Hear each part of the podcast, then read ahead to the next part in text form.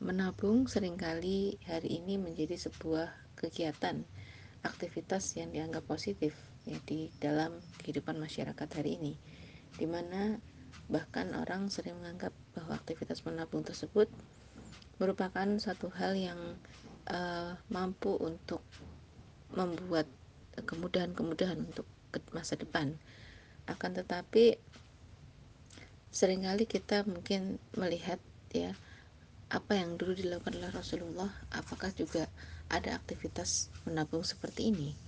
Bahkan orang hari ini justru sering kali menabung tanpa peduli dimasukkan ke dalam bank apakah itu ribawi atau tidak ya.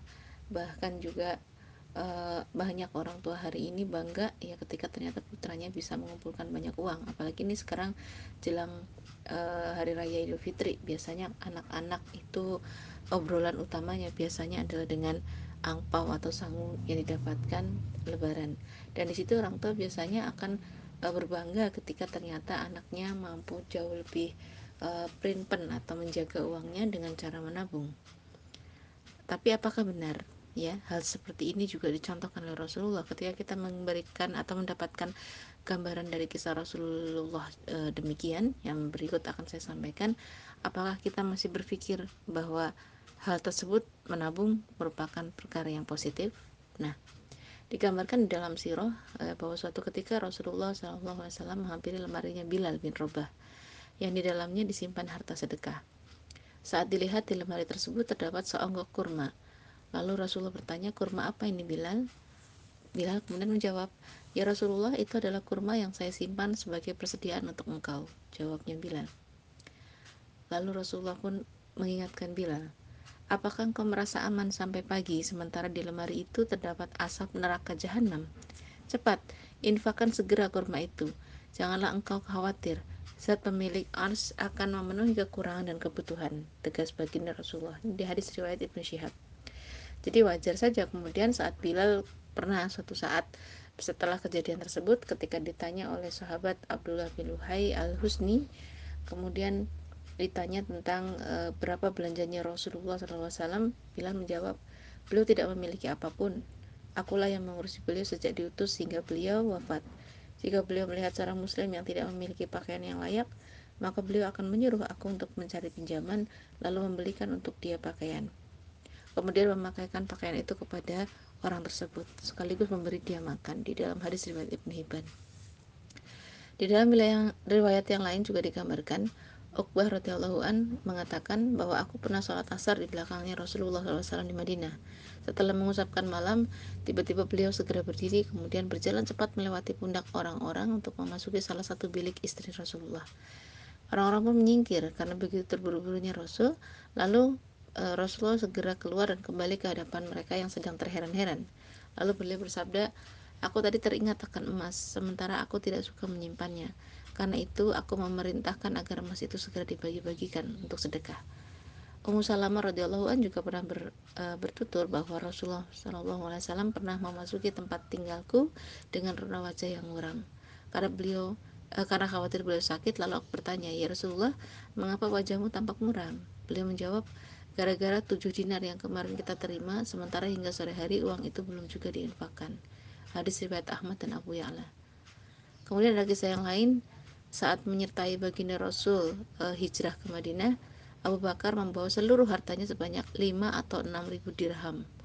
Masya Allah. Dan itu setara dengan kalau diuangkan hari ini sekitar 420 juta untuk diinfakkan di jalan Allah. Nah ini di hadis riwayat Ibnu Ishaq. Jadi bukan uang dibawa untuk untuk bekal hijrah tapi 600 dirham ini tadi 6000 dirham ini untuk diinfakkan di jalan Allah Kemudian sahabat Utsman radhiyallahu an juga pernah saat itu menginfakkan hartanya sebanyak seribu dinar, lebih banyak lagi karena itu hanya dinar. Itu kalau dirupiahkan dengan hitungan lama miliaran ya angkanya di atas 2 miliar. Kemudian di saat Rasulullah sedang mempersiapkan pasukan inilah ya sahabat uh, Utsman bin Affan uh, pernah menuliskan ini dalam hadis riwayat Al-Hakim. Kemudian yang selanjutnya juga ada sahabat Abdurrahman bin Auf pernah menginfakkan separuh hartanya itu belum termasuk tambahan sebanyak 40 ribu dinar jadi sekitar 90 miliar ya hampir 100 miliaran ya. 500 ekor unta dan 500 ekor kuda ini dalam hadis riwayat Ibnu Barok Masya Allah luar biasa. Infaknya para sahabat itu teladan. Luar biasa. Hakim bin Hizam juga pernah menjual tanahnya seharga 200 ribu dirham. Ya setara kalau dulu dihitung-hitung sekitar 14 miliar yang semuanya diinfakkan di jalan Allah Subhanahu wa taala. Hadis riwayat At-Tabrani. Jadi demikian gambaran uh, dari kisah Rasul dan juga para sahabat ya yang mulia dalam menginfakkan harta-harta mereka. Sangat jarang diriwayatkan bahwa mereka rajin menabung, rajin menumpuk-numpukan harta ya.